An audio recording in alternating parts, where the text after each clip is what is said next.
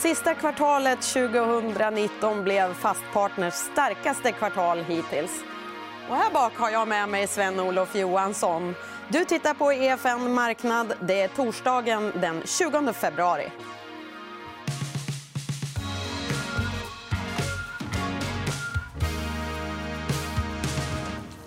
Kul!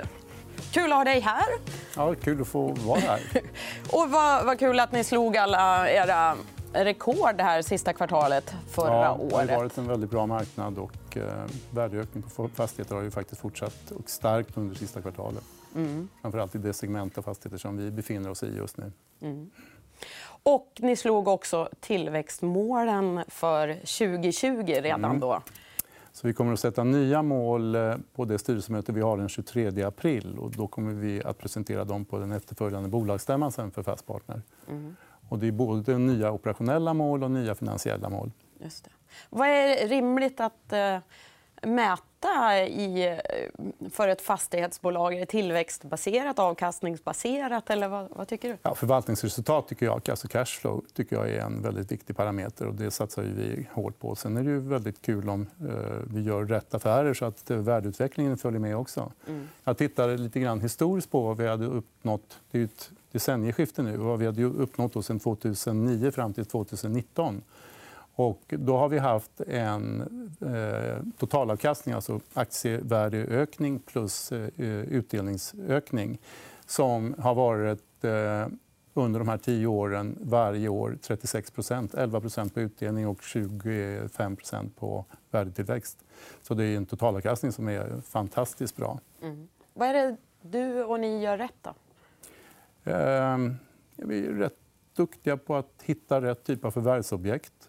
Eh, vi hittar en hygglig timing. Vi förstärker vår balansräkning hela tiden och kan dra ner våra finansnetto. Och vi jobbar vidare med det. Vi har ju en rating idag precis under investment grade. Och vi har ju för avsikt att under eh, första halvåret det här året komma upp på investment grade. Mm. Det är Moody's som vi jobbar med som ratinginstitut idag. Mm. Men ett noterat bolag, tycker du att de alltid ska växa? Är det ambitionen? Eh, inte till varje pris. Du ska ju, och det står ju faktiskt i våra målsättningar också att vi ska ju inte växa på bekostnad av att vi ska köpa dåliga fastigheter. Utan vi vill ju dels förstärka kvaliteten i det bestånd som vi har. ha ett fortsatt fokus på Stockholmsområdet där vi har ungefär 80% av våra fastigheter idag. Och förstärka eh, kontorsinslaget som är, kommer att vara över 80 eh, när vi räknar in Eh, det senaste förvärvet vi gjorde som vi tillträdde nu den 5 mars, nämligen eh, förvärvet av NCCs huvudkontor. Just det. Du tycker inte att det börjar bli lite för dyrt i Stockholm? Nej. Ehm, vi försöker alltid hitta den där typen av fastigheter där alla parametrar inte är helt fixa och inte helt färdiga. Där det finns en viss osäkerhet om vissa delar i, eh, i en affär. Så var fallet till viss del i NCC. Mm. Och, ehm, vi tror att vi reder ut det där. Och, eh, då har vi fått en riktigt, riktigt bra avkastning tycker vi, för den kvaliteten av fastighet som det där är. Och sen så satsar vi också väldigt mycket kan man säga, på hållbarhetsfrågor i koncernen. Och den fastigheten har den högsta möjliga eh, hållbarhetsredovisning som du kan få. Så den är certifierad till eh, BREEAM Excellent.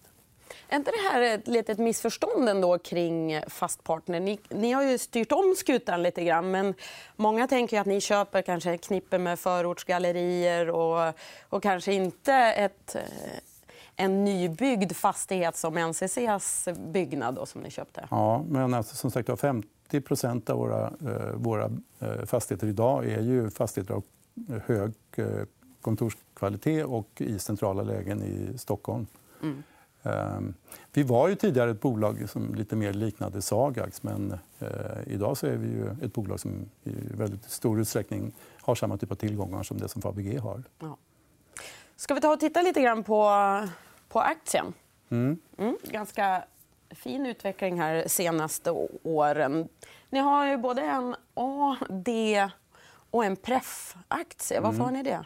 A-aktien är den vanliga stamaktien. Mm. Eh, sen, eh, genom att vi nu håller på och eh, jobbar med vår rating. Eh, och kommer, när du kommer upp på investment grade då räknas preferensaktien bara till 50% av kapitalvärdet. Vilket gör att eh, vi har istället emitterat D-aktier som har fullt kapitalvärde även när du kommer upp i investment grade-segmentet. Så det är det stora skälet till att vi har gjort det. Så kanske är läge att lösa preffen? Då? Det har vi inte fattat något beslut om ännu, men eh, vi tittar på frågan. Ja. Du ler lite. Ja. Man vet aldrig. Nej, man vet aldrig. Men då, om man tittar på er starka valuta, och aktien. Mm. Eh, hur kan ni använda er av den? När funderar ni på att förvärva mer, kanske ett annat bolag? Ja, idag kan vi har vi ju så god access till kapitalmarknaden. Och, eh, den, det är en väldigt bra likviditet eh, på obligationssidan och eh, även en stor likviditet om vi skulle vilja emittera mer D-aktier. Så att vi, egentligen behöver vi inte emittera några stamaktier. Mm. Eh, och det viktiga är att du har en balans mellan eget kapital och upplånat kapital för att som sagt, ytterligare stärka upp din balansräkning. Och, eh, det är klart, när vi kommer upp på eh, investment grade... Vi har idag kanske en genomsnittlig finansieringskostnad på lite drygt 1,90. Det där kommer, ju, kommer vi att kunna justera ner med 60-70 punkter när vi får en annan rating. Mm. Så viktigt för er? Det är jätteviktigt. Det är, när du har stora kapitalbelopp upplånade så slår du därigenom i resultaträkningen i väldigt hög grad. Många tycker ju att fastighetssektorn är högt värderad idag. Ja, men den är ju helt avhängig av hur eh, alternativplaceringsmöjligheterna ser ut och hur kapitalmarknaden i övrigt ser ut, hur obligationsmarknaden ser ut. Och, eh, den är ju så likvid idag, så räntenivåerna och befinner sig på låga nivåer och kommer säkert att vara där under väldigt, väldigt lång tid framåt. Vi fick ju nya inflationssiffror igår. Mm. Och eh, man ser ju, oavsett eh, vad som händer i övrigt så kommer inte inflationen igång. Och det där hänger ju till stor utsträckning ihop med den teknologiska utvecklingen.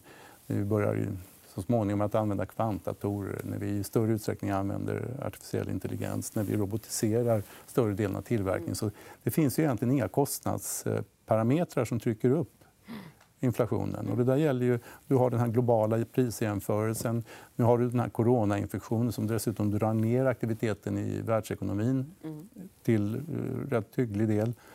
Uh, och det gör ju till exempel att fastighetsbolagen ligger ju rätt positionerade. Man söker sig mer till tryggare investeringar med eh, hygglig avkastning och även då finansieringsmarknaden som också gynnar eh, fastighetsbolagen. Där kommer ju räntenivåerna ner. Mm. Så det här med att marknaden ändå eh, är så pass beroende av penningpolitiken. Du tänker att det här går inte att vända tillbaka. Nej, du har en hel värld som är helt i händerna på världens stora centralbanker. Och alla har jobbat på samma sätt. Så idag, du, du måste hela tiden förse marknaden med den likviditet som behövs. För annars kan du få en katastrofal utveckling. Och det här är ju alla centralbanker medvetna om idag. Vi såg ju när eh, Shanghaibörsen skulle köra igång igen då efter det kinesiska nyåret Ja, vad är det som eh, People's Bank of China går in och gör det första man gör innan marknaden är öppet? Jo, man injicerar ytterligare 173 miljarder dollar i marknaden i likviditet bara ifall att. Och sen ser man då att Fed har också vänt lite grann sin eh, räntesyn och jobbar idag med kvantitativa lättnader på i storleksordning 20 miljarder i, i månaden mm. som man inte gör nåt större nummer av och som man kallar visserligen för någonting annat. Men det, trots allt så förser man marknaden med likviditet hela tiden. Och detta då för att det inte ska ske några störningar i marknaden. Och sen genom att kurserna går upp så genererar ju det eget kapital i sig. Mm. Det här gör ju att eh, alla, du befinner dig i en marknad idag där alla jagar avkastning. Mm. Och då, att vara i fastighetssegmentet i en sån situation är ju inte fel. Nej. Du jagar ju inte bara i fastighetssegmentet. För nåt år sen så köpte du in dig ganska stort i Volvo som du sålde av. Sen, nu för ett tag sen så har du köpt har du 2,5 miljoner aktier i H&M. Mm. Mm. Vad, vad ser du där? Ja, men framförallt ett bolag som hela tiden gör rätt saker från att ha hamnat i en situation som eh, var lite, lite märklig beroende tror jag, på framför allt introduktionen av ett, en helt ny dataplattform som störde bolaget i utvecklingen. Men man har hanterat de här problemen fantastiskt väl. Eh, resultatet är på rätt väg. Man är en av världens största e-handelsaktörer. Eh, man levererar en bra utdelning som inte är helt oviktigt. Och, eh, det där är en placering som jag tänker ha på lång sikt. Du är inte orolig? Nej, jag är inte orolig. Och du kan tänka dig att köpa mer? Ja, jag kan tänka mig att köpa mer. Mm. Vad har du annars för stora innehav? Då? Jag, har, jag har gått in på banksidan faktiskt nu, eh, både för, dels före nyår och eh, nu under det här året. Och de stora innehaven där är eh, Swedbank, Nordea och Handelsbanken. Mm. är du inne i... Även där av avkastningsskäl. Bra utdelning, bra direktavkastning. Just. Den typen av bolag som har en underliggande verksamhet som hela tiden gör att du kan vara rätt så trygg på, på den utbildningsnivå som man, som man håller idag. Mm. Eh, där finns det ju liksom hela tiden eh, någon form av bottennivå eftersom som sagt, avkastningen är så pass bra. Och I en värld då, där eh, avkastning är allt. Mm. Men hur påverkas de här bolagen då, tycker du, av den låga räntan? Eh, de levererar ju... De, har, alltså, de fyra svenska storbankerna är ju höglönsamma. kan man ju säga. De verkar inte vara särskilt beroende av eh, den generella räntenivån. Det är man inte längre eftersom man inte har samma typ av eh, obligationsinnehavstillgångar som man hade tidigare. Mm. Utan man jobbar ju med de, de affärer som... Man jobbar med sina marginaler och man har en fundingkostnad som är obefintlig idag. Just det. Onoterat, är det någonting som du tittar på? Nej, egentligen inte. Vi har gjort några såna affärer. Mm. Ehm, men... Ehm, nej, egentligen inte. Och utomlands då? Jag har gjort massor med såna affärer kan man säga. under åren och har väl dragit vissa slutsatser av det och gör det inte i någon större omfattning längre. Okay. Inte lika framgångsrikt alltså? Då, som... Nej, jag har varit lite bättre på börsen än jag har varit på att uh, utveckla VC-bolag. Uh -huh. um, Utomlands då? Ja, jag har gjort en del affärer på, på Nasdaq, alltså New York. Mm. Men uh, utöver det, nej, inte i någon större omfattning. Jag tycker jag kan de här bolagen, eller kan den egna marknaden. Vi resonerar ju lite grann samma sätt på fastighetssidan. Mm. Vi kan en marknad väldigt bra och det är Stockholmsmarknaden i viss mån. Gävle, Uppsala och Norrköping det finns också. I mm. viss mån även då i Göteborg och Malmö. Men vi fokuserar på det som vi kan. Och erfarenheten så här långt är ju att vi har alltid lyckats bättre där. Vi har gjort fastighetsaffärer, vi har byggt fastigheter i New York, vi har gjort projekt nere i Tampa, vi har gjort projekt på franska rivieran, vi har ägt fastigheter i London, vi har ägt fastigheter i München, Köpenhamn, Oslo. Mm. Men det har alltid varit bättre när vi har gjort det i Stockholm. Mm. Hur, hur, tänker du då när du, ska, när du är ute och letar nya aktier att investera i? Ja, jag följer marknaden. Det här är ett intresse som jag har haft sedan jag var liten. Så att, eh, helt plötsligt hitta någonting som jag tycker kan vara intressant. Jag, ju, ju, nu har jag ju rätt så mycket kapital att investera. Och då blir det ju att man oftast håller sig till large cap, alltså de lite större bolagen. Helt plötsligt hittar man att det där bolaget verkar ju vara helt felvärderat. Mm. Och sen börjar man bygga en position där. Och även om man kanske kommer in lite fel i början så tror du på bolag så fortsätter jag bara att köpa mer. Och sen så får du ett ganska behagligt snittvärde och sen så småningom så vänder aktien. Mm. H&M är väl ett utmärkt exempel på det. Vad tänker du om börsen då, i år? Jag har sagt i en tidigare intervju med DI och eh, att jag trodde på en eh, uppgång i år på en 20 och i huvudsak då... Eh, ja, nu har vi nästan diskonterat, hämtat hem 10% av de där 20. Och I huvudsak beroende på att likviditeten i marknaden och på kapitalmarknaden är så stort, placeringsbehovet är så stort. Likviditetstillskotten fortsätter. Mm. Och var kommer jag då hitta... Var har jag störst jaktlycka i min jakt på avkastning? Jag tror fortfarande att eh, det finns en hel del att ta på banksidan. Mm. Utan att nämna och... några särskilda bolag där, utan generellt. Men de bolag som du redan har Ja, det är klart, jag tycker de är lite ja. bättre då än... än... Det kan man ju gissa. Ja. Ja. men det var väl ett bra tips. Mm. Vi säger så. Tack så mycket för att du kom hit. Tack själv. Var kul.